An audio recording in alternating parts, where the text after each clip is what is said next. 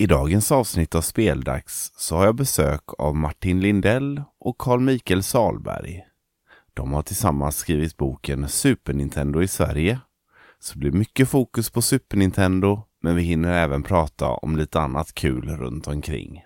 För nu är det speldags!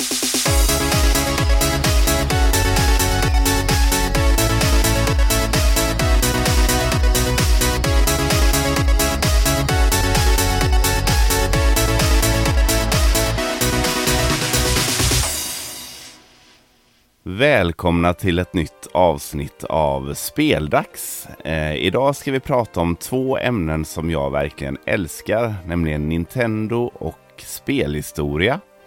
Och jag har bjudit in två härliga gäster för att prata om Super Nintendo. Just Super Nintendo är nog min största akilleshäl när det kommer till just eh, Nintendo-konsoler. Som barn hade jag ju ett NES och ett eh, Nintendo 64 och som vuxen har jag köpt konsoler från GameCube och framåt. Eh, så det ska bli extra kul att få prata med två riktiga experter idag och grotta ner sig i eh, Super Nintendos magiska värld. Så med det vill jag säga varmt välkommen till Carl Mikael Salberg och Martin Lindell. Hallå, hallå! Tack så mycket. Tack, tack. Vad kul att vara här. Ja, verkligen.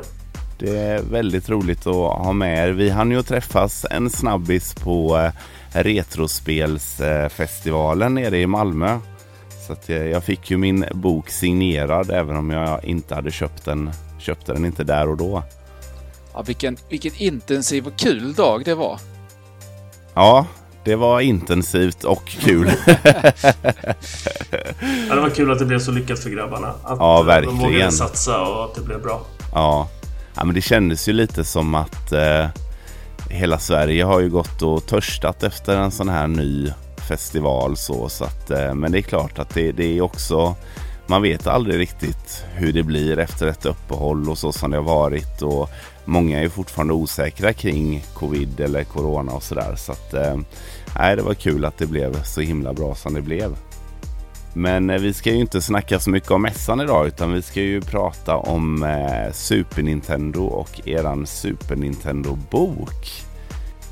Får jag bara bryta av här? Alltså, ja. när, ditt intro där när du sa att du inte har någon riktig relation till SNES. Du har liksom mm. missat det och prickat ja. allt annat förutom, förutom den konsolen. Jag tycker det låter fruktansvärt.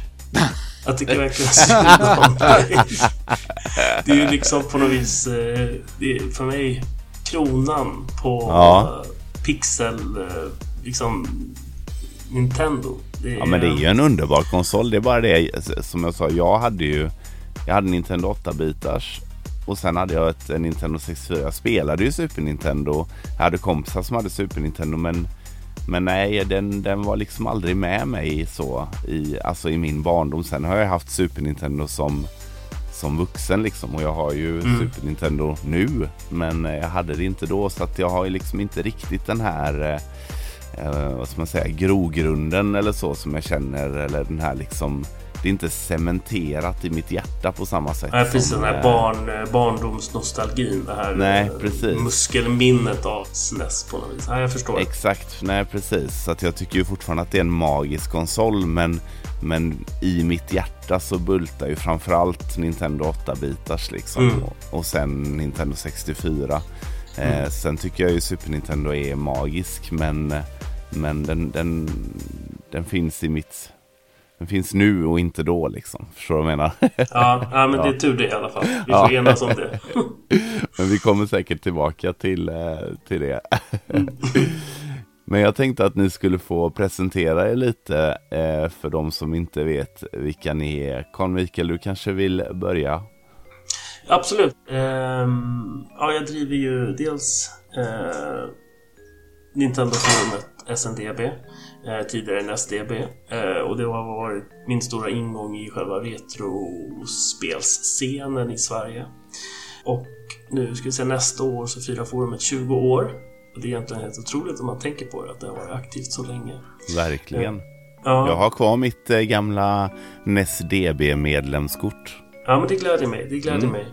Eh, och där, också, där har vi också gjort en resa att det från början när det var NestDB att det bara var åtta bitar så nu är det ju flera konsoler eh, som är kartlagda där. Eh, och fortsätter bli kartlagda. Liksom. Det kommer mycket info nu. Martin har gjort boken också som inte eh, fanns tidigare. Mm. Och eh, privat så är jag bibliotekarie på Kungliga biblioteket. Eh, och där hjälper jag de som jobbar med spelen bland annat.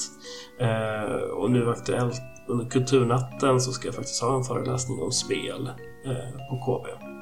Ja, vad roligt. Videospel som kulturarv tror jag det ska heta. Ja. Jag ska prata lite om de olika spel, vad man kan hitta för spel i våra samlingar. Så det är lite kort. Ja, grymt. Över till dig Martin, om du är med oss? Ja, eh, var ska jag börja någonstans? Jag, jag eh, för att inte göra en, en lång historia allt för långdragen så kortfattat började jag med att, att jobba med att sälja spel i butik faktiskt. Jag insåg väl någonstans att det var svårt att göra spel. Jag försökte på mig Q-basic och försökte lära mig Pascal, GV Basic och, och testade väl Stoss, Amos och sådana grejer också. Men, så att jag, jag, tänkte vad kan man då göra men ändå jobba med spel? Så då började jag jobba i butik på slutet, eh, liksom andra halvan av 90-talet fick vara med om CD32-lanseringen och um, ja, så kom ju Playstation och Saturn. Eh, och vi gjorde en hel del kul grejer som satt ut Saturn-demoställ på lokala McDonalds i Kristianstad. Vi hade en japansk Dreamcast och tog förhandsbokningar. Och till den här butiken där jag jobbade, Nydata, så fick vi en branschtidning. Ehm, först hette den Topp 40, sen så splittrades Topp 40 in till musik, film och spel och speltidningen var då Manual. Och de sökte skribenter så jag kontaktade dem och det ena ledde till det andra. Jag flyttade till Stockholm och blev redaktör och jobbade på Manual i, i sju år. Det var en jättekul, jättekul resa. Det tog mig till E3 eh, och fantastiska ställen och fick träffa mycket spelskapare och lärde mig liksom mer om spelbranschen och, och sådant. Så det, det var väldigt kul. Under den resan eh, så träffade jag som sagt mycket människor och bland annat Ove Bergsten och Lars Jarham och andra som då hade jobbat med bergssalar. Och där föddes idén om att många det, det, det skrivs mycket om spelhistoria men det görs alltid från ett amerikanskt perspektiv. Så jag, mm. jag intervjuade Ove, Jens Selin och de andra och resulterade den här lilla boken som heter 8 bitar på 80-talet, Nintendos marsch in i de svenska hemmen. Som var en ganska liten historia, eh, självtryckt 30x till en början. Jag tänkte att det var närmast sörjande. Sen visade det sig att fler ville läsa den och eh, jag fick trycka fler och, och där rullade på. Så att det, det, liksom det, det kan man säga är bokspåret är liksom något jag gjort på fritiden. Men sen efter manual så har jag fortsatt med spel och jag har jobbat bland annat på branschföreningen. Jag eh, jobbade som förläggare och gav ut spel på Parmission. Och sedan spenderade jag sex år på DICE med bland annat, ja, jag höll på med slutet på BF Battlefield 3 med, med expansioner och sen Battlefield 4 och Battlefield 1. Mycket Battlefield. Uh, lite, Battlefield, lite Mirror's Edge också. Uh, efter sex år där så var jag på Raw Fury en kort tid som en indieförläggare där Kingdom, Sable och lite andra spelserier. Därefter 2020 så började jag på Embracer där jag nu har jobbat i tre år. Uh, så där, där är det mer strategi, uh, förvärv och intellektuella rättigheter och sådant. Så jag, jag, har varit med bland annat på transaktionerna av Dark Horse, Limited Run och Middle Earth som vi, vi, har köpt i egenskap av Embracer. Um, så att ja, så är det väl. Spel, lifer inom spelbranschen, journeyman helt enkelt, eller vad man ska kalla det. Mm. Ja. ja. ja, det är ingen då, inget dåligt eh, CV får man ju säga.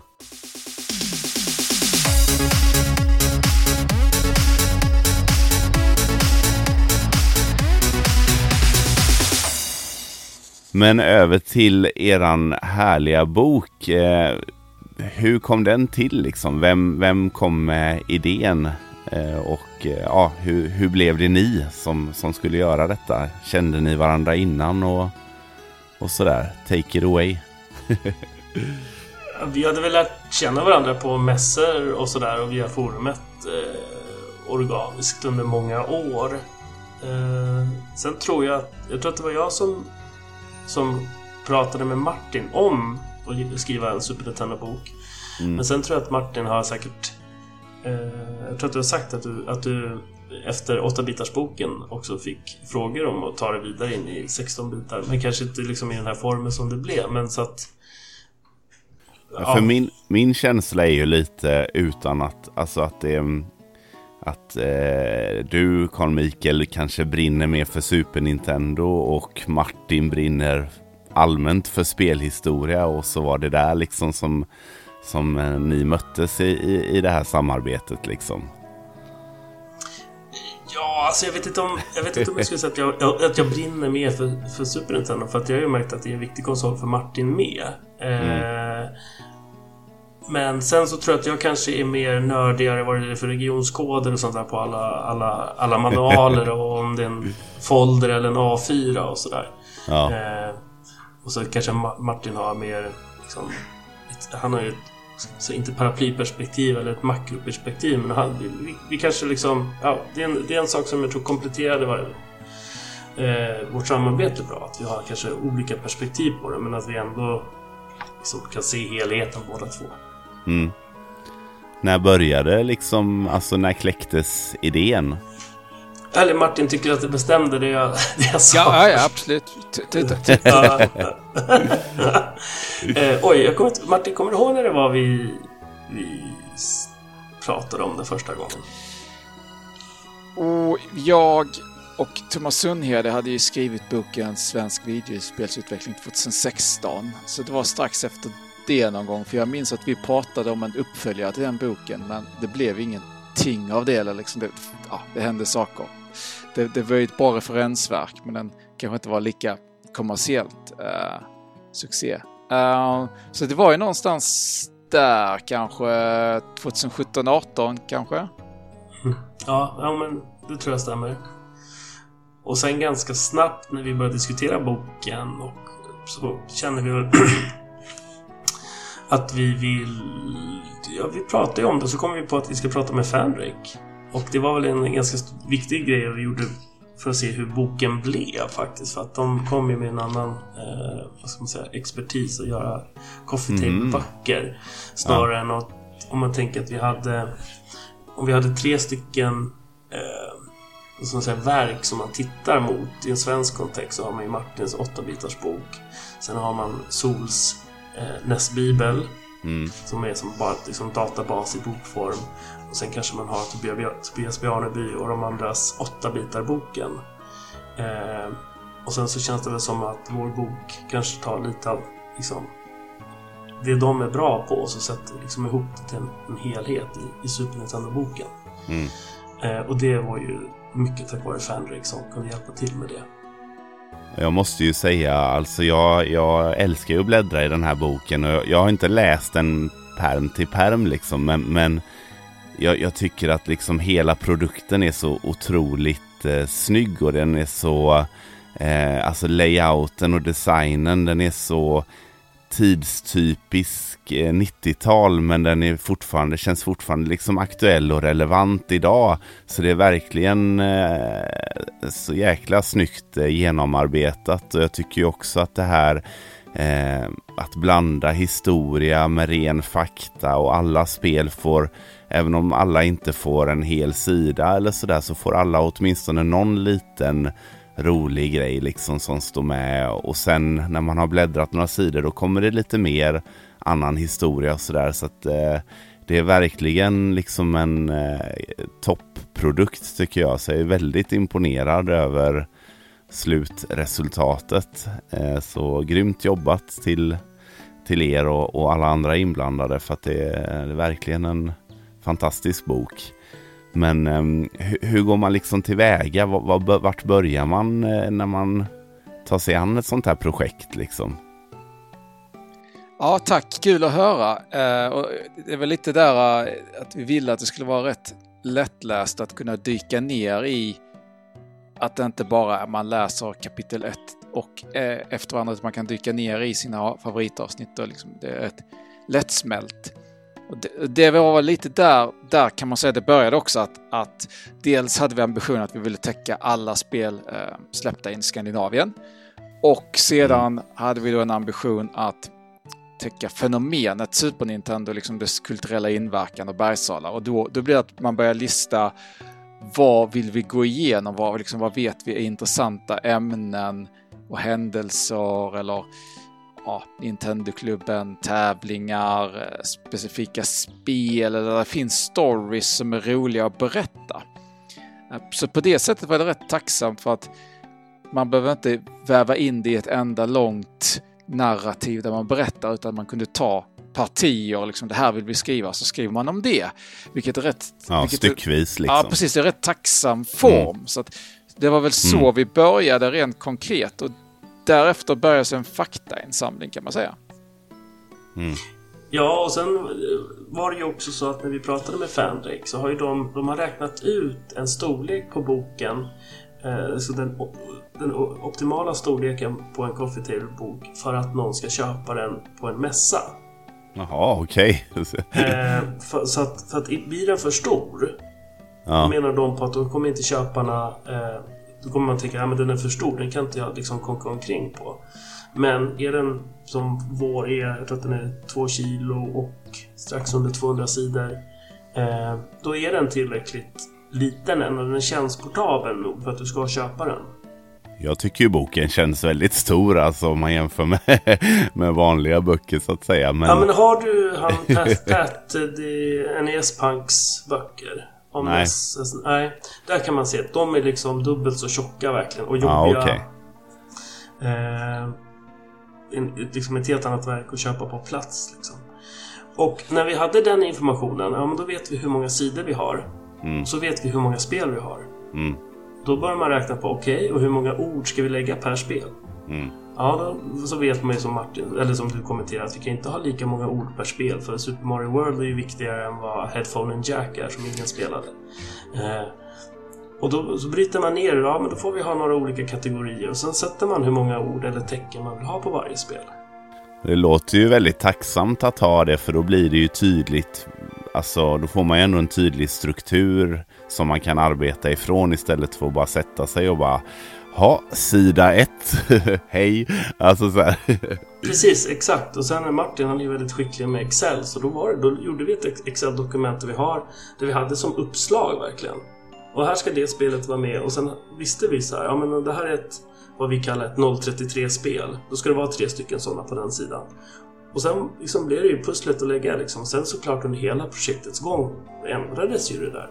Men mm. kanske 80, 80 hamnade ju på sin plats från början kanske. Mm. Eller liksom storleksmässigt. Det är ju väldigt mycket eh, roliga bilder i och eh, jag tycker ju först eh, när det kommer till spelen så tycker jag det är väldigt charmigt med att bilderna inte är perfekta. Alltså jag tänker någonstans i processen så kanske det man har tänkt att eller jag hade tänkt så i alla fall att varje bild ska vara perfekt och jag foto, är det svart med lite vitt i kanterna så photoshoppar jag bort de här kanterna. Men ni har ju lämnat kvar prislappar och sånt och jag tycker att det ger eh, en härlig charm till det hela. Eh, hur, hur gick tankarna kring det? Hade ni någon sån? Jag tror det kanske reflekteras också i eh, hur samlandet har ändrats. Att, att förr så tog man bort prislapparna och man ville liksom inte ha det. Men nu har det gått så lång tid att alla butiker har försvunnit i princip och det är liksom en slags proveniens eller liksom efterlevnad, nostalgi att det här kommer från tv-spelshuset, det här är leksaksmagasinet, att det i sig är ett värde som berättar en historia och har kanske en emotionell mm. koppling för vissa. Mm. Ja, jag har ju ett Ducktails till eh, NES som är i jättefint skick. Bortsett från att det har en prislapp från stor och liten på 499 kronor. Men jag älskar den prislappen för att det, det är liksom som en stämpel från en svunnen tid liksom. Jag var ju faktiskt helt tvärt Martin på den där frågan. jag tyckte att det skulle vara fina, så fina boxar som möjligt. Och, alltså jag kan verkligen förstå det där också. Att prislappen berättar en historia. Eh, en, eh, så att jag köpte, köpte helt klart det, det argumentet. Men jag hade inte heller... Jag hade inte liksom hade vi fått tag på perfekta boxar på varje spel hade jag också mm. varit nöjd. Men ja. absolut, den svenska kopplingen så blir det roligare också att kunna se några namn från olika tv-spelsbutiker. Ja. Och de här insamlingen, är det via din, eh, alltså databasen på SNDB eh, likt eh, eh, NESDB? Tänker du på bilderna? Ja, precis. Nej, nej alltså det är väl mest... Eh, det är väl Lars Wingefors eller Embracers samling. Mina egna spel. Och sen är det från kanske två eller tre större samlare. Och sen är det några enstaka spel framförallt på slutet där vi kanske, vi hade inte rätt baksida på Theme Park. Vi hade inte rätt baksida på Lucky Luke till exempel. Och sen hade vi inte SN-utgåvan, den blå, på Donkey Kong Country 2 heller. Och de, det var så när vi var tvungna att kontakta enskilda personer, eller där vi efterlyste dem. Och vi fick hjälp ja. med dem. Men majoriteten av, av kartongbilderna kommer från liksom större samlingar som man Skönt ändå att ha det samlat så att säga. Ja, verkligen. Alltså, vad är det? Hur många spel blev det till slut Martin? Det... Oj, eh, jag kommer inte ihåg antalet i huvudet längre. Men eh, det var ju rätt många och sen så hade vi även då de finska och de så kallade gråimportspelen också. Som, där, där det fanns någon slags svensk komponent eh, helt enkelt. Ja. Nej men så till exempel det är 248 spel som vi har fram och baksida på. Det, mm. det, det är mycket liksom och, och, och, så ska det vara rätt version också liksom. Just det, såklart. Ja, det är imponerande, verkligen. Och en annan aspekt som eh, vi tidigt kom pratade om, jag och Martin, är just det där eh, att vi ville veva, eh, få in eh, spel, hur man, hur man rapporterar om spel och spelbetyg som började komma igång ordentligt eh, precis vid Super Nintendo. Eh, och, ja, det var ett stort arbete med att kartlägga betygen och hitta dem överallt. Eh, och hur hittar man det? Det är liksom eh, kolla igenom gamla tidningsarkiv på biblioteket eller eh, hade ni ja, något du... annat system för det? Nej men det är tur för då sitter jag på jobbet på KB och eh, har vi tillgång till eh, svenska dagstidningar som en digital söktjänst heter där många tidningar finns digitaliserade. Mm. Eh, och en rolig sak är just att Göteborgs-Tidningen och Göteborgs-Posten nyligen hade blivit färdigt digitaliserade under de åren som var intressanta för oss. För det var kul mm. för att de var... De hade väldigt mycket eh, betyg. Och samma sak var det med Idag. Som också var kopplat till Göteborg. Kvällsposten om jag minns rätt. Mm. Eh, och idag känns det som att de hade, måste haft något nära samarbete med, med Bergsala för de verkligen recenserade under flera år ordentligt, liksom allt som kom ut. Eh, det var också ett stort arbete och sen liksom föra in det rätt och ja. Och det är en, en, en sån här sak som om man skulle göra det här igen så skulle vi göra det på ett bättre sätt för att första gången så förde vi bara in betygen till varje spel men sen när vi gjorde boken så ville vi också ha som en källhänvisning vilket datum recensionen var i tidningen. Okay. så varje betyg var vi tvungna att gå tillbaks till varje tidning och leta upp det och se att det var rätt, liksom, vilket datum att skriva in. Ja. Så det var lite dubbeljobb men eh, vi Det är sånt man lär sig när man gör någonting att så här kan jag göra det här bättre så lär jag mig det till nästa gång. ja, exakt, exakt.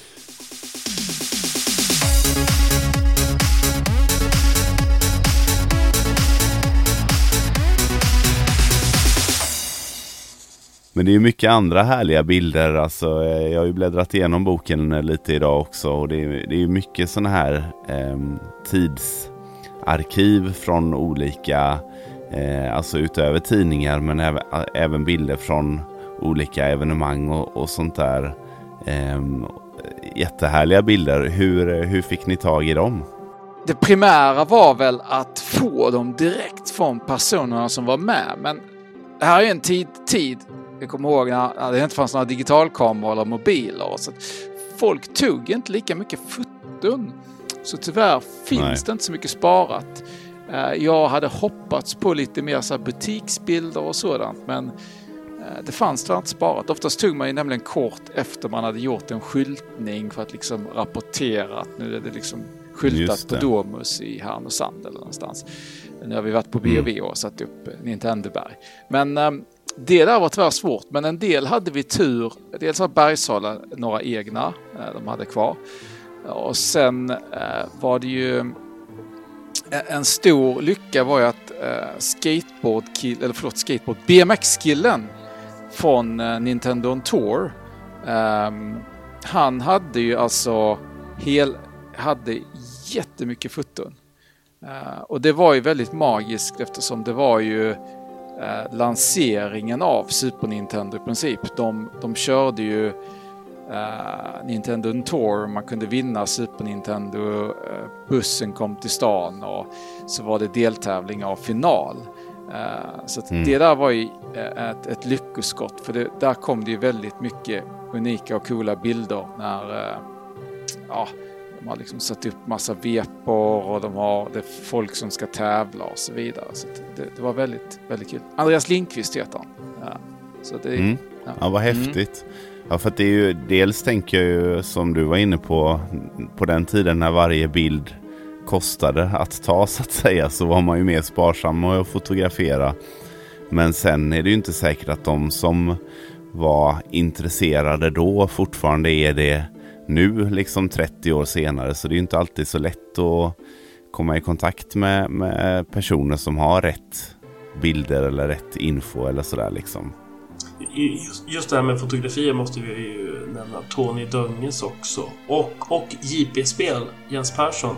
Det var ju också fantastiska bilder. Ja, Tony är dragracerföraren mm. och där var det att Bergsala sponsrade honom så att han, han tog ju foton på när de satte upp eh, liksom, tält och var på banorna och eh, var på de fick ju konka runt på dragracern till, till dragsten till massa andra ställen. Mässor och grejer. Så han hade väldigt mycket dokumenterat. Och JP-spel som du nämner, alltså Jens Persson. Det är också ett fantastiskt att han hade så himla många foton. Mm. Ja, han är ju en av de få som har varit med länge liksom. Och fortfarande är med. Ja. Ja, men det, det, jag tycker det, när man började jobba med boken så kände man verkligen hur mycket det är som, som, som händer. Liksom, hur spelbranschen utvecklas. Det här med att, att, att skildra media också, som, precis som spelbranschen håller på att utvecklas. Som man läser till exempel intervjun med Gunnar då, som eh, Martin gjorde och hans resa, hur han var som liksom, de sätter honom. Jag kommer inte ihåg om han fick flyga eller om han fick åka tåg till Stockholm. Liksom, men de, Expressen tog upp honom och sen tog de en byline-bild på honom och sen var det bara att köra. Mm. Eh, och han var inte beredd på någonting. Liksom hur, hur ja, men, liksom en, en, en, bransch i sin, verkligen i sin begynnelse. Liksom. Det var kul, och, kul att skildra. Men jag är ju lite nyfiken också på liksom era, eh, era egna personliga kopplingar till Super Nintendo. Eh, för det måste ju ändå legat bakom. Eh, du var ju inne på det innan Carl Mikael att du ändå liksom har eh, mycket Super Nintendo-spel och, och, och, sådär. Så att ja, du kan väl berätta lite om, om din koppling. Du tyckte ju lite synd om mig då som inte hade den här barndomskopplingen till Super Nintendo. Så jag gissar ju på att du har det. Ja, absolut. Jag kommer ihåg, eh, precis som Martin och jag skrev i det där brevet som de första 250 som bokade boken fick att eh, jag kommer ju aldrig glömma den dagen när jag, när jag fick mitt eh, Super Mario World och, och Super Nintendo och eh, slog på det och liksom utvecklingen från jag menar, Super Mario Bros 3 är ju fortfarande ett klockrent spel alla dagar i veckan men att liksom eh, ja, det var en helt annan sak med Yoshi och grafiken mm. och allting. Och första gången julen när man fick spela Link to the Past och liksom när regnet bara smattrar där när man vak vaknar upp. Eller när jag fick Super Metroid på scen på Vattenfestivalen i Stockholm. Det var några som sålde spel i ett tält vid Slussen. Eh, och, och, går hem och det är svart ute och jag sätter igång kassetten och eh, jag typ eh, jag kommer ner till Ripley snor eh, eh Metroid-larven eh, och, och sen när man ska fly därifrån så jag bara nej jag pallar inte spela det här mitt, mitt i natten. Det var liksom för, för läskigt för mig och fick bara stänga av liksom. Ja. Eh, till, jag menar, NHL-spelen. Jag har ingen Mega Drive så jag tycker att NHL-spelen på Super Nintendo är, är briljanta. Eh, ah, liksom det bara rullar på liksom. Briljant konsol. Jag menar grafiken håller verkligen än idag. Mm. Det, det, finns en anledning varför man... Jag menar ny retro är ju såklart finare än vad SNES-grafiken finns men man anspelar ju på den grafiken. Verkligen. Mycket.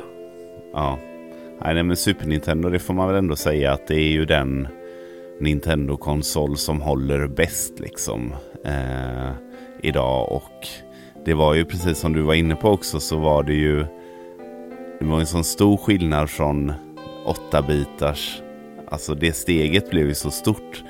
Eh, och det var ju också så himla tydligt hur mycket det hade förbättrats eftersom det var eh, samma, alltså varje spel fick sin uppgradering som du var inne på Super Mario eh, Bros 3 är magiskt men Super Mario World hade liksom ännu lite bättre och Zelda var ju magiskt på 8-bitars men Link to the Past där liksom allting blev deluxe-varianten liksom.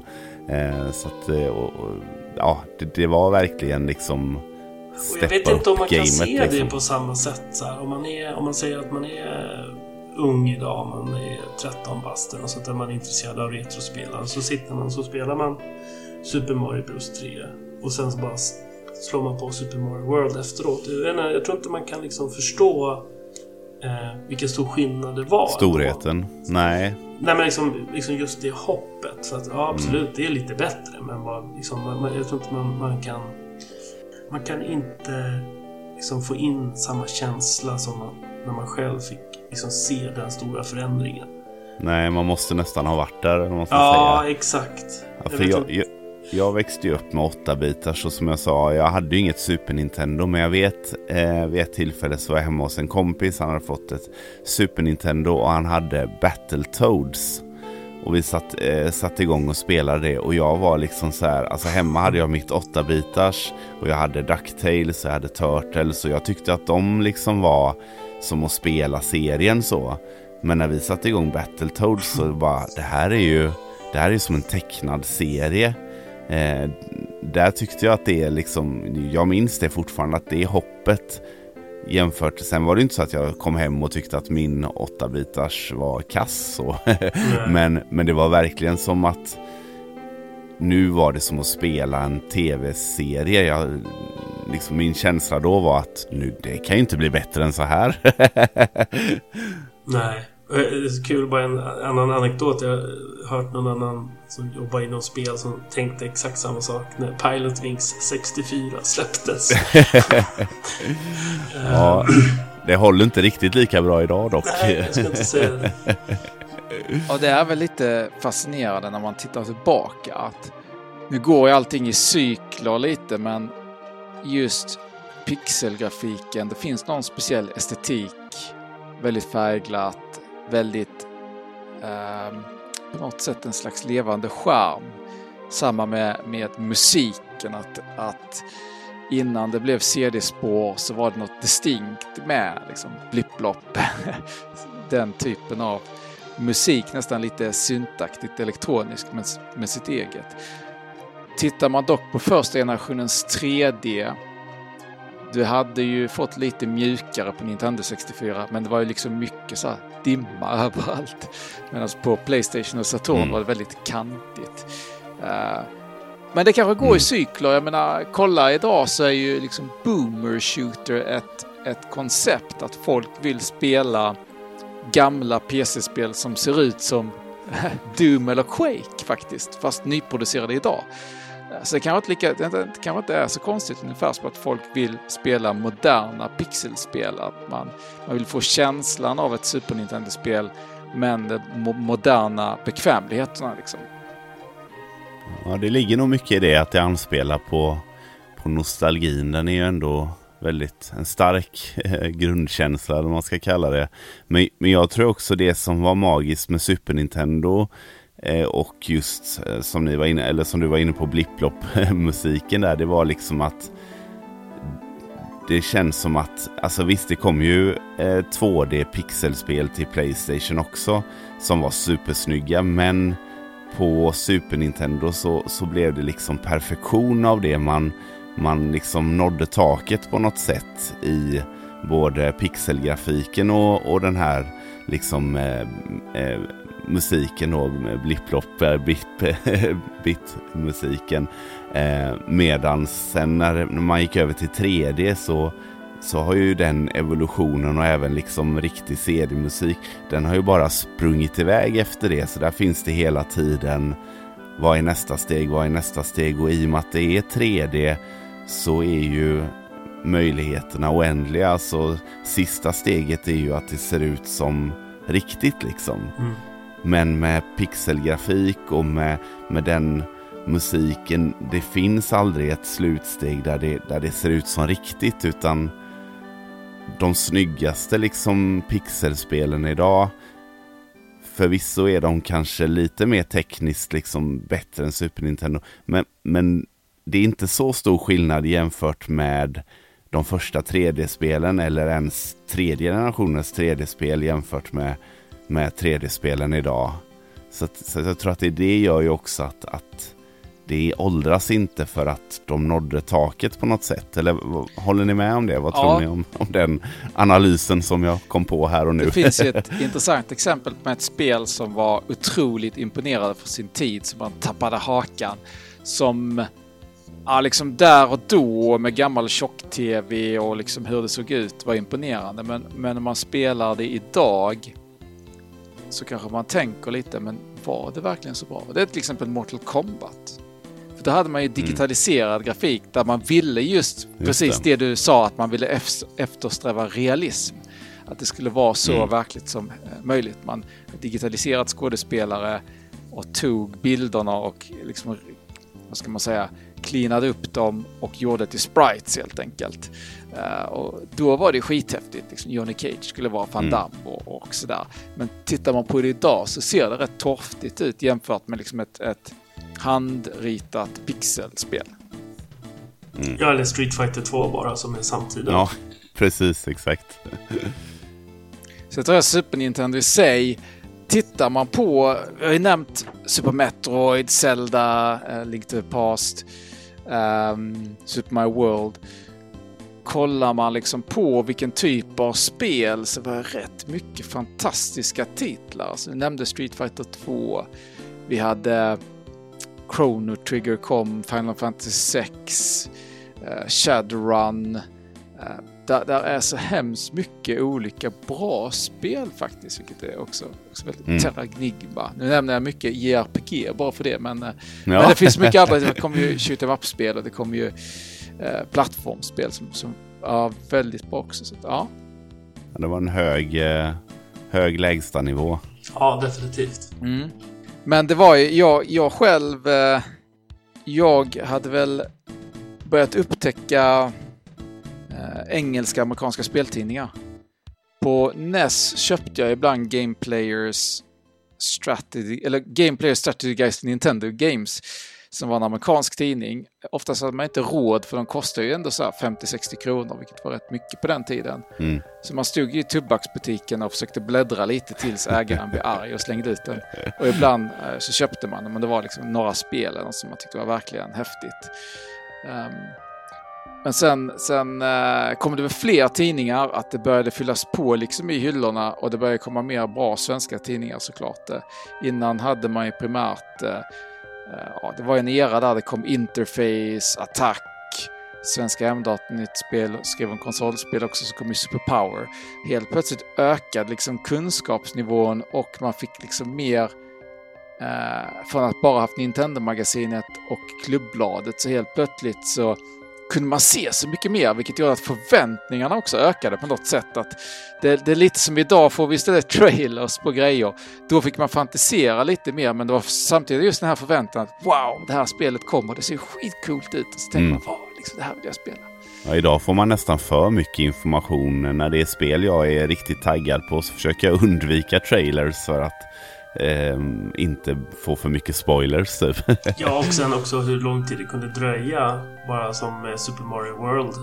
Eh, ja, konsolen helt enkelt. Och hur sent den kommer till Sverige. Och ja, hur sent Super Mario mm. Bros 3 också var. Eh, mm. Går inte att jämföra med idag. Liksom, allting släpps samtidigt av hela världen. Liksom. Nej, precis. Och som Bergsala säger, de var ju inte liksom nödvändigtvis... De ville ju inte släppa Super Nintendo då heller. För att Nessen gick ju så himla bra för dem. De behövde ingenting nytt. Eh, ja, det är ju liksom också en intressant aspekt av det hela.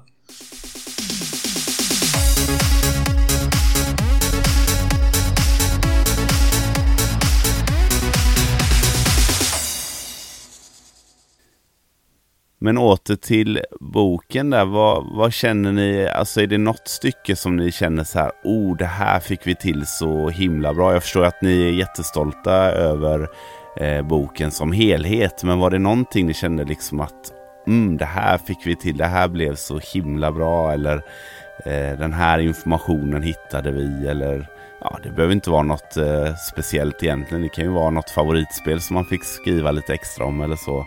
Hur, eh, vad har ni för favoritdelar från boken? Ja, jag tycker att eh, vi redan var inne på det, men det var jättekul att bevaka media och spelbetygen. Eh, det, det, det var absolut en av de roligaste sakerna för mig. Det var också en djup insikt i att få läsa så många spelrecensioner också. Man hade aldrig satt sig ner liksom ett privat intresse och tuggat igenom flera hundra recensioner. Det hade man ju aldrig gjort liksom. Men nu var man Nej. så att säga tvungen att göra det. Och det, det uppskattar ja. att jag var tvungen att göra det. För det var himla kul. Eh, också liksom att, att, läsa de här gamla speltidningarna som Martin nyss nämnde. Man hade inte heller liksom tittat så mycket i dem som vi var tvungna att göra. Sen tyckte jag det var kul också att vi, att Bergsala eh, gav oss försäljningssiffrorna för Super Nintendo för de hade inte släppts tidigare. Det fanns ju bara 8-bitars försäljningen så det var också kul att se. Mm. Ja, det, jag tycker nog mycket helheten uh, lyckas fånga tidsandan på något sätt är jag glad över. Men ska man välja några saker så är introt med just Nintendo Tour, bilderna och det här liksom vägen till Super Nintendo med Eh, annonserna och det här liksom med, med spelkriget. Där vi lyckas hitta liksom lite, lite, ja, men så, ta som interface framsida, giganternas kamp, Sega mot Nintendo. Och så hade vi då idag eh, kriget mellan Nintendo och Sega hårdnar. Det liksom sätter lite tidens anda. Uh, sen är det allmänt just, just, vad ska man säga, svenska stories som kanske annars aldrig skulle liksom hitta någon annanstans. Och Nej. det är ju som översättning av Shadowrun hur, hur Peter Kumlin kuppade in att, att de skulle få med Gamezone i eftertexterna. Som var då, de hade redan bestämt sig för att de skulle sluta öppna en spelbutik som var Gamezone. Uh, okay. lite bisarra grejer som det här med Mario-mackan. Att man skulle liksom en tävling med Skogaholmsbröd där man skulle komponera Marios favoritmacka. Och sen kanske liksom de mer, mer, mer bisarra, mindre så här sakerna som har liksom bara rolig fakta ruta. Men att eh, apropå JP-spel, hela den är ju väldigt bra med alla bilder. Men där finns en speciell anekdot eh, när JP-spel skulle öppna sin butik i Malmö och de skulle ha en förhandsvisning av Bretal Hockey från, från Sony. Sony var ju då en konkurrerande distributör eh, som, som släppte spel. Det var inte längre bara Bergsala som hade monopol på Nintendo. Men då, då hörde de inte riktigt varandra vad de sa i telefonen. Två skåningar som snackar liksom kan man tänka sig. Så den här annonsen som då berättar om att det är en stor öppning och eh, det kommer att vara liksom priser och så vidare. Det hade med också eh, att man kunde tävla och de skulle visa några spel då. Eh, och då missuppfattade man sig istället för Brett Hull Hockey så i annonsen så stod det Brutal Hockey. Så kunde man nästan tro att det var ett nytt Mutant League Hockey som var på gång. Mm. Ja, verkligen. ja, men ja. fortsätta på det Martin var inne på. Dels att, eh, att skriva om Sony också som eh, liksom före Playstation och allt det där med, i, i Sverige och hur de det tillhandahåller eh, Super Nintendo-spel. Det har inte heller liksom varit riktigt kartlagt. Och där finns det faktiskt en rolig sak för att vi sökte länge efter releaselistor och uh, Martin med sitt stora kontaktnät uh, fick ju tag på några stycken och jag kommer ihåg att det var en som sa att så här, Nej men vad tusan, det där slängde ju min fruga nyligen när vi flyttade liksom precis de här papperna vi hade behövt. Releasedatum. Ja. Uh, rekommenderat pris och så vidare och vilka spel och bla bla bla. Och sen en kväll när jag ligger på soffan och så bara från Martin så bara börjar det smattra in bilder. Jag får liksom så här 40-50 bilder på precis de här sakerna vi behöver. Eh, så jag skriver till honom bara, men vad, vad, vem är det som har det här? Det här är helt otroligt. Så här. Och Martin bara, nej men jag hittade det i min källare. Jag har haft det hela tiden. Nej! jag trodde nästan du hade åkt och grävt i soporna där till den här. ja, det var så ja, när, när den här butiken jag nämnde i början, Nydata, den såldes till JME-data och de ville bara hålla på med PC. Eh, och jag hade redan flyttat till Stockholm men, eh, och här, här, här, kan ni höra mer hemska grejer då. Allt med tv-spel skulle bort. Och det var liksom demoställ med Mega Drive, det var Nintendo-berg, det var eh, ett Saturn-demoställ och, och men jag kunde inte be mina föräldrar ha det i garaget. Det enda som jag räddade var att de fick hålla en eh, Game Gear eh, demostation. Allt annat slängdes tyvärr, tråkigt nog. Men då sparade min gamla chef som sålde butiken, han sparade en hel del pärmar. Och då fick jag bland annat då så här, Ikemedia och så var bland dessa pärmarna var det då Sony Image Soft. Så jag hade någonstans i bakhuvudet, för tusen hade vi inte en sån? Så gick jag ner och kollade då bland de här pärmarna som låg liksom i en kartong och bara, mycket riktigt, där var den. Mm.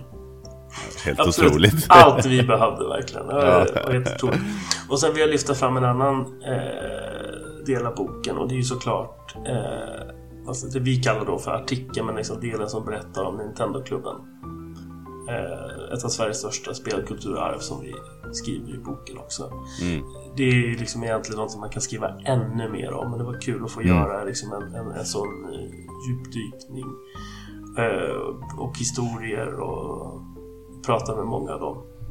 Det var också värdefullt till och med skulle jag säga jag, jag tycker all info om spelen och sånt där är, är jättemysigt. Men jag tycker ju verkligen att det skiner i de här mellan eh, delarna eller vad man ska kalla det när det kommer just till de här eh, bitar av historia liksom eh, allt ifrån ja, men introdelarna och även Nintendo-klubben och, och alla de här olika med tävlingarna och, och, och eh, eh turné och så vidare.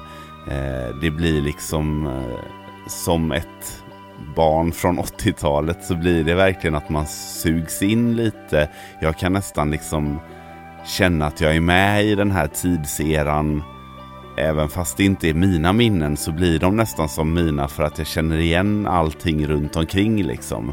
Eh, och det tycker jag att ni har eh, liksom varit väldigt bra på att förmedla och, och få få fram både i skrift och i bild och eh, med layout och sådär. Så att eh, eh, det, det, kan jag gotta mig med länge. Och, och jag tycker också att det, det, det, blir bra eftersom de har sina liksom eh, lagom långa sektioner. En hel bok med det tror jag också hade varit asgrymt i och för sig. Men, men, men det blir, det lyfter extra mycket eftersom efter det så kommer liksom information om spel och de här fina bilderna och roliga små inforutorna. Så det blir inte så himla matigt.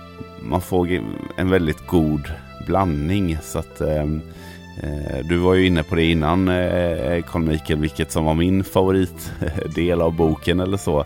Eh, och jag har ingen speciell favoritdel så, utan jag, jag tycker att det är en fantastisk tidskapsel Eh, och det är det som jag älskar mest med boken. För att den här tidseran är ju på något sätt väldigt magisk. Och den här boken kapslar in det väldigt fint. Så, eh, ja, ja, men det är jättekul att höra för det är ju liksom precis det jag och Martin har, har försökt göra och det kommer ju liksom ifrån vår egen kärlek till den här tiden också. Så mm. det, det, är kul att det lyckas eh, ja, gå från oss till boken och sen ut till dig som läsare. Det är, det är jättekul att höra. Mm. sen finns det ju också, det är också kul med de här, liksom, de här, lite, de här små grejerna som vi hittar kring spelen också. Till exempel en favorit är NHL PA Hockey 93. Eh, där de, Aftonbladet gör en artikel om att eh, Kjell Samuelsson eh, eh man kan slå ner honom i spelet eh, blodig. Eh, och, men då är det så kul för det, det, det är ju bara i Mega Drive-versionen man kan slå dem. Just det. det kunde mm. man inte i, i Super Nintendo-versionen. Men då kallar de liksom att det här är liksom... Eh, de kallar liksom hela spelmarknaden för Nintendo-marknaden. Mm. Så de nämner inte Sega, så kopplingen blir dit ändå. Mm. Eh, och, så, och så kallar... Sen är, så beskriver de Kjell Samuelsson, liksom de intervjuar honom. Sen efteråt så beskriver de honom som videooffret Kjell Samuelsson. ja. Tids, också tidstypiskt för det här med videovåldsdebatten som var i Sverige då. Verkligen. Ja, nej, men det var ju en stor debatt. Eh, här var den väl kanske inte jättestor, inte vad jag minns i alla fall. Men jag har ju sett mycket. Eh, alltså i USA var det ju stort på riktigt och när hela den här ESRB diskussionen gick liksom i högsta domstol i USA och sådär. Så att eh, det, det, kan man ju inte tänka sig idag. Men det, det var ju liksom ja, en riktig diskussion kring huruvida liksom tv-spel då eh, ja, och det våldet påverkade ungdomar och, och sådär. Eh, jag tror inte vi fick så mycket av det i Sverige. Det var väl vad hette Men jag tror, han? jag tror faktiskt att vi fick det ändå. Alltså jag kommer ihåg när de var... Med, med, med Power Rangers eh, förbjöd de ju bland annat för att det var någon som hade mördat ett annat barn va? I Norge ja. Ja, ja exakt. Att det skulle vara en inspirationskälla. Mm. Men eh, eh, Sivert Öholm. Så vad heter han. Precis, det var han jag tänkte på. Jajamän. Det var även han som hade någon debatt om hårdrockens eh, negativa inverkan tror jag. Fantastiskt. Ja. det var, jag tror det kom, eh, den stora drevet kom nog i um, några år senare. Bland annat när det skulle arrangeras ett SM i Tecken 3. Och det var så här kvällstidningsrubriker typ här är, här är eh, SM i eh, tv-spel, tv-våldsspel. Och de mm. satte ut så här passfoton på de som sålde speldistributörerna. Sen var väl också ZTV, eh, Eh, där skrev vi faktiskt lite om eh, för de, där, där kunde börja spela Super Nintendo-spel genom att ringa in och så spelar man live på TV. Men några år senare gick de ju över till uh, lite mer eh, uh, PC och sånt i Funhouse och då var ju To Doom var med och programledaren hetsade på lite. Då, då fick de också dra tillbaka lite. De kunde inte ha med de allra mest våldsamma spelen. Det hänger med oss från, från pixlar till, uh, till uh, modern 3D-grafik så är det, är det alltid någon... någon. Mm. Ja, men det är också sån där recension av Turtles in Time också. Det, liksom, Just det. Ett minus för att de... Vad de skriver? Turtlarna sparkar på folk som ligger och ja, nej. Mm. Men eh, apropå liksom det här med den lokala marknaden eller vad man ska säga för att eh, Eh, i min värld så tycker jag ju liksom att spel eh, communityt ändå är ganska stort och det är liksom så här mm, framförallt när man är inne i det så blir det att man känner folk eller man känner till folk och sådär men vi är ju ett ganska litet land ändå och intresset är ju såklart begränsat till den andel människor som har det i, i vårt avlånga land. Men hur har det varit liksom att göra en bok om spel i Sverige på svenska? Eh, alltså hur har mottagandet varit och hur har, ni behöver inte gå in på försäljning och sådär, men, men har det blivit liksom som ni tänkte er? Är det, eh, finns intresset där liksom? Definitivt. Um, jag tror ju att vi hade ju en, en flygande start när gaminggrannar hade en, en livestream och Spel och sånt. Fandry kom ju överens med Spel och sånt om att vara eh, exklusiv förhandsbokning. Och då, då hade de väl trott att tusen exemplar det kommer att liksom räcka och bli över till sen även efter releasen. Men alla tog ju slut innan ens eh, lanseringen var, var liksom långt borta och då var det ett problem att det här hade en exklusiv omslag. Och det, vad ska man säga, det, det vanliga omslaget nu som finns där, den är gul och en sån sprängskiss på en Super Nintendo-kontroll. Den var inte klar. Så att, att, Nej, okay. att, att liksom, det gick inte bara att trycka på en knapp och så dök liksom den andra versionen upp utan här var liksom, nu var goda råd dyra. Så där, där fick liksom processen kring att faktiskt färdigställa designen på det omslaget eh, skyndas på lite helt enkelt. Så utav det här med Mario och Yoshi, där finns det 1000 ex av den utgåvan. Ja, exakt. Uh, och sen har jag ändå sålt bra hos, hos lite andra bokhandlare också. Eller sci-fi bokhandlare, Webbhallen och ja, vad det nu är, Nostalgibutiken, Retroplay och så vidare. Uh, så det rullar ju mm. på så det, det, finns ju definitivt ett stort intresse för allt, allt som har med Nintendo att göra. Och vi är väl lite unika i att uh, kollar man på tillbaka liksom så var ju Bergsala väldigt tidig med Game Watch och sålde man sålde nästan bäst i Europa på Game Watch. Uh, man byggde mm. en, en väldigt stark Nintendo-kultur med klubbbladet 8-bitar. Sen, sen då fortsatte med Super mm. Nintendo. Så det, det, är någonting som än idag är, liksom, sitter djupt, i, i liksom, djupt rotat. Medan man runt i Europa så uh, det hade liksom Sega var större i Storbritannien och även Frankrike groteskt stora i Portugal. Sen hade kanske Nintendo var lite starkare i Tyskland. Fast då hade ju å andra sidan hemdatorer så att egentligen det som var allra störst i Storbritannien, ja, men det var ZX Spectrum och, och i Tyskland var det Commodore mm. och även här i Norden hade vi Commodore 64 även om, om 8-bitars Nintendo sålde mer än dubbelt så mycket. Så att det var liksom mycket mm. mer defragmenterat så på det sättet är det väldigt tacksamt i Sverige att vi har så stark Nintendo-kultur. Så jag, tror inte att intresset för en sån här bok skulle, all, skulle inte alls varit lika stort i, i övriga Europa om det skulle gjort en, en liksom italiensk eh, Il Super Nintendo. Eh, så då, då skulle det inte varit lika populärt sett till liksom, befolkningsmängden så att säga. Också att vi var ett så rikt land ändå så tidigt i, i Skandinavien och att Bergsala fanns här också. Jag menar, spelkulturen är inte, eller retrospelskulturen är inte, är inte lika liksom stor som i Danmark exempelvis, eller Norge. Eller Finland heller för den delen. Det finns där också eh, i olika grader, men det är inte alls lika eh, utvecklat som i Sverige. Nej, Så. det var faktiskt min nästa fråga, hur det ser ut liksom med försäljningen till, till grannländerna. För Bergsala är ju distributör för hela Norden eh, så vitt jag förstår. Eh, eller var då i alla fall. Men eh, har ni sett, eh, har ni skickat många böcker till Norge och Danmark och Finland och sådär? Eller hur ser det ut med det?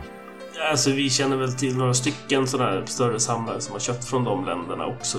Eh, mm. Men det är ingen butik Eh, vad jag vet som säljer dem där heller. Jag vet inte om det är för att de är på svenska då. Men liksom, även försäljningen av gamla spel på den tiden är ju inte jämför, går inte att jämföra med svensk försäljning heller. Eh, så det är ju inte konstigt att det är lika eh, utvecklat i, i de andra länderna. Så det är tur att vi hade Bergsala. Tänk också om det hade blivit någon sån här sak att Nintendo Europe i Tyskland skulle ha haft hand om Skandinavien. Mm. Det vet man inte heller hur utvecklat det hade varit. Hade vi kanske fått spel på tyska och engelska hit bara, då kanske man inte hade liksom fått fram det med svenska manualer och svenska utgåvor. Det hade säkert sett annorlunda ut också. Utan Bergsala har ju verkligen liksom byggt fram en svensk Nintendo-kultur. Mm. Och som Ove sa när vi intervjuade honom det där, att de fick ingen hjälp från eh, Nintendo of America tidigt med material. Utan de var tvungna att göra sina egna Mario-tolkningar. Mm. Som också liksom bygger att vi har en egen Nintendo och Mario-kultur i Sverige. Ja, ja det, det kan man ju eh, fetglömma idag. Att göra egen, egna skisser på Mario och eh, använda som reklam eller sådär. Det... Definitivt. Och därför är det så kul också att vi har den här. Eh, om man tittar i, i Super Nintendo-boken eh, på sidan precis före Super Mario World så har vi en annons från tv-spelsbörsen där de har gjort en egen Mario-tolkning där han står med militärhjälm och kulspruta och det står att det är priskrig. Ja. Och, och, och, den var ju, Ove var ju inte nöjd att se den idag när vi visade den på honom. Ju... Nej.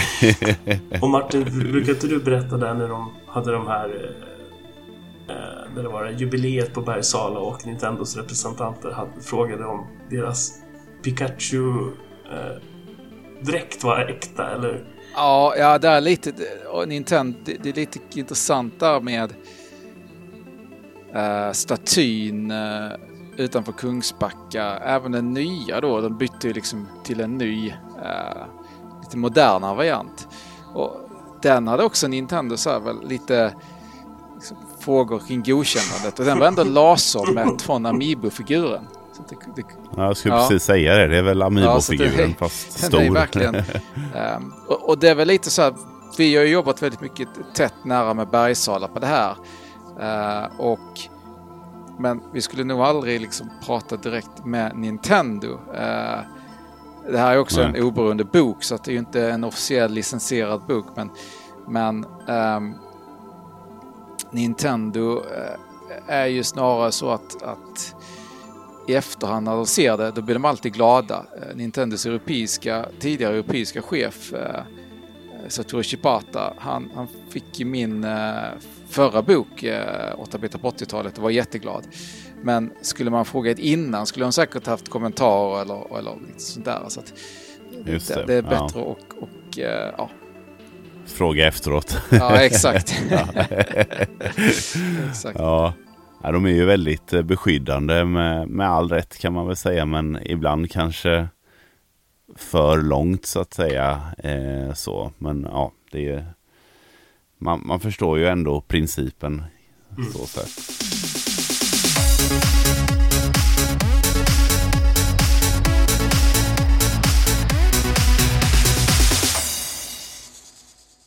Vad ser ni i framtiden? Alltså för nu, i och med att det, boken kom väl ut, eh, kanske inte mitt under pandemin, men ändå... Förra julen eh, va? Mm. Ja. Så ni har väl, för ni hade väl ett ehm, eh, tillfälle uppe hos Spel och sånt vid, eh, var det i samband med release eh, med signering och sånt där? Mm. Det stämmer. Ja. Och sen så var ni på Retrospelsfestivalen. Har ni haft fler sådana här events och meet and greets där ni har promotat boken eller har ni fler planerade i år? Det har vi inte haft. Martin, du signerar väl några sådana här samtidigt på Comic Con? Ja, just det. Men det var ju mycket fokus på videospelsboken. Kanske var det extra pris på Ja, exakt. Det var med nostalgibutiken på Comic Con. Ja, precis. precis. Uh, nej, men uh, sen tror jag faktiskt att det, boken börjar bli slutsåld nu om jag minns rätt. Vi hördes från förlaget uh, tidigare. Så jag tror inte de, de har inte många böcker kvar. Sen så finns det några stycken hos JP och några hos Nostalgibutiken. Så där. Sen, sen kommer nog, det kommer att vara slut under året någon gång. Ja, så det här är en eh, begränsad upplaga, en limited print. Eller kommer det tryckas nya? Det, det är en bra fråga. Det, priserna inom, inom liksom bokbranschen har gått upp eh, i och med pandemin. Eller det har varit inflation på mycket mm. grejer. Så det, gör det lite klurigt att man måste, man måste trycka en ganska stor volym. Vilket betyder att då måste finnas många som vill, vill köpa den igen. Så att vi får se vad som händer. Um, mm. Förhoppningsvis så blir det kanske en ny upplaga i framtiden, men kanske inte. Så, att, eh, ja. Så de som eh, blir sugna på att köpa boken bör göra det nu och inte sen då helt enkelt? Ja, ja. absolut. Mm. Eh, ja, vad har ni annars? Har ni pratat om något framtida bokprojekt eller något annat projekt tillsammans? Eller är ni trötta på varandra nu? Och, och Eh, nej, men det är väl klart att vi, det är klart att vi har pratat om eh, andra projekt eh, och genomföra. Men sen är det ju också, det är också tufft att liksom gå från att sätta igång ett projekt också. Mm. Eh, och det känns som att ja, vi, vi, har ju båda väldigt mycket att göra. Men Martin är ute och reser över hela världen. Eh, mm. Jämt och ständigt känns det som. Eh, och liksom min dotter då föddes ju medan vi skrev liksom, men när hon blir äldre så kräver hon också mer, mycket mer tid och sådär. Ja. Eh, och arbetet och ja. Så det, det, finns tankar, det finns idéer och eh, ambitioner men sen ja, man ska, man ska, man ska liksom sätta, prioritera dem också. Så är det ju. Sen kan det ju vara skönt också efter man har gått igenom det här att kanske ha lite luft och göra lite andra saker innan man laddar om och gör något nytt. Så sett. Mm. Ja, definitivt. Ja. definitivt. Jag, jag har ju också vid sidan en, en blogg på martinlindell.com. Och det är ju en sån där väldigt anspråkslös grej som när jag har tid kan jag sätta mig ner med något ämne eller prata med någon person. Så det, det, det har dels varit ett, ett utlopp för då saker som kanske inte har fått plats i bokprojekt. Just det. Så det finns lite stories som Vendro, som eh, Neo Geo och lite andra grejer. Så där, där har jag bland annat uh, utvecklat texterna jag skrev om DICE i svensk videospelsutveckling och där kommer det snart en, en del fyra, eller snart, vi får se, det tar sin tid, men del fyra, fyra om Refraction som faktiskt då var de som gjorde Battlefield och blev uppköpta av DICE. Och det bygger på gamla intervjuer. Så jag har ju haft, jag har ju sådana grejer som ibland man ja, liksom sitter och, och eh, pular med, pratar med folk, skriver lite, letar lite material eh, med jämna mellanrum som är en så här lämplig skön takt utan några eh, deadlines och sånt. Mm. För det blir lite när man väl dedikerar sig på en bok då det, visst det är lite research och funderingar men sen går man i en slags produktionsfas där man jobbar för att bli klar. Så det mm. blir liksom lite mer, inte så kravlöst. Att även om det är kul så känner man kanske lite, lite press att producera och leverera kan man säga. Att bli färdig ja.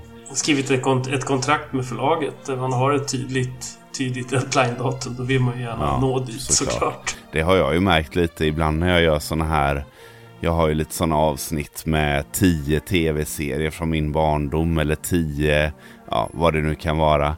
Och jag märkte att ju längre ner listan är desto mindre text är det. För att det blir så här i början är jag jätte liksom, entusiastisk och vill skriva supermycket och sen så någonstans mot slutet så vill jag typ bli färdig så jag kan börja spela in och sådär. Så nu, nu, har jag faktiskt ändrat den processen så nu skriver jag styckvis bara och lägger in så nu finns det ingen ordning på vilket vilken som kommer först eller sist. för att jag, jag, såg det liksom mm. att så här, det blir tunnare och tunnare för varje, varje steg ner på listan liksom. Eh, mm. så att eh, ja, jag kan känna igen känslan av att vilja bli klar. Men eh, Martin, du har ju även lite på din både Facebook och Instagram där du lägger upp lite roliga tillbakablickar och sånt där. Så att, eh, det tycker jag alltid är roligt att, och läsa och se bilder från gamla E3-mässor och, och sånt där. Ja, det var en stor grej förra året. Det la jag lite tid på också. Eh, jag fick ju... Jag jobbade ju på den här branschen i Manal som jag nämnde i sju år. Och när jag slutade så det var ju inte så att jag liksom dumpade datorerna och tog med massa material utan um, jag gick bara vidare till nästa jobb. Och det ångrar jag lite att jag inte förvaltade lite av materialet för sen lades ju tidningen ner och några datorer liksom såldes eller användes till annat. Och, men lyckligtvis en av grundarna av tidningen hade sparat det fysiska bildarkivet. Mm. Och sen fanns det två stycken Mac-datorer.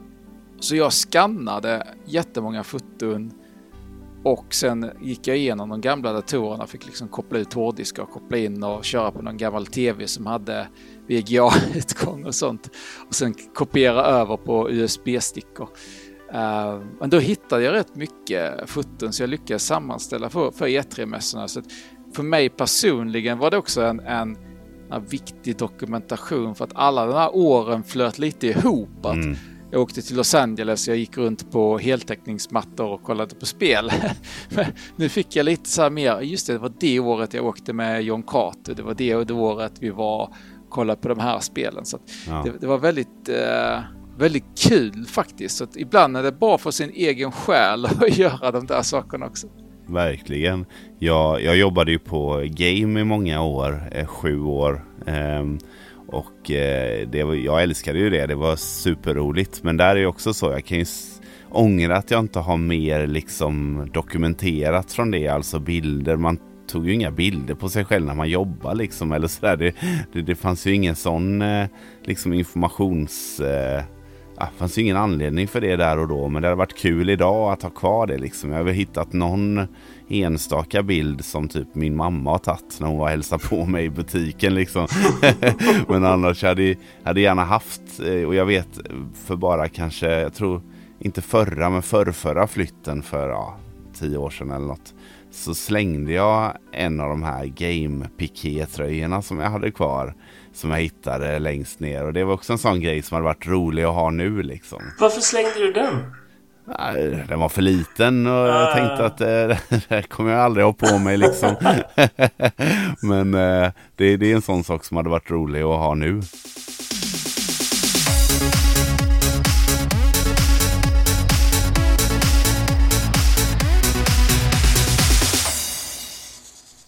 Ja, men vi kanske ska börja runda av här. Det har varit jättekul att ha med er här idag. Så stort tack till bägge för att ni ville vara med och prata om eh, Super Nintendo, Super Nintendo-boken och eh, ja, lite andra anekdoter och minnen. Ja, tack till dig som har läst boken och ville prata om den. Ja. Det är vi som ska tacka. Nej, det är inget att tacka för. Det var eh, ett sant nöje att läsa boken och eh, för er som eh, blev sugna så finns ju boken att köpa på Spel och sånt både i butiken och på hemsidan. Så att jag lägger med någon direktlänk här i beskrivningen till avsnittet. Och jag kan verkligen rekommendera alla som tycker att det verkar intressant att gå in och köpa den för att det är en väldigt fin och härlig bok att ha hemma. Ja, tackar, tackar. Men innan vi eh, säger hej då så tänkte jag att ni kanske vill eh, ja, säga vart kan man hitta er och eh, ja, har ni något kul som är på gång nu det närmsta som ni vill promota?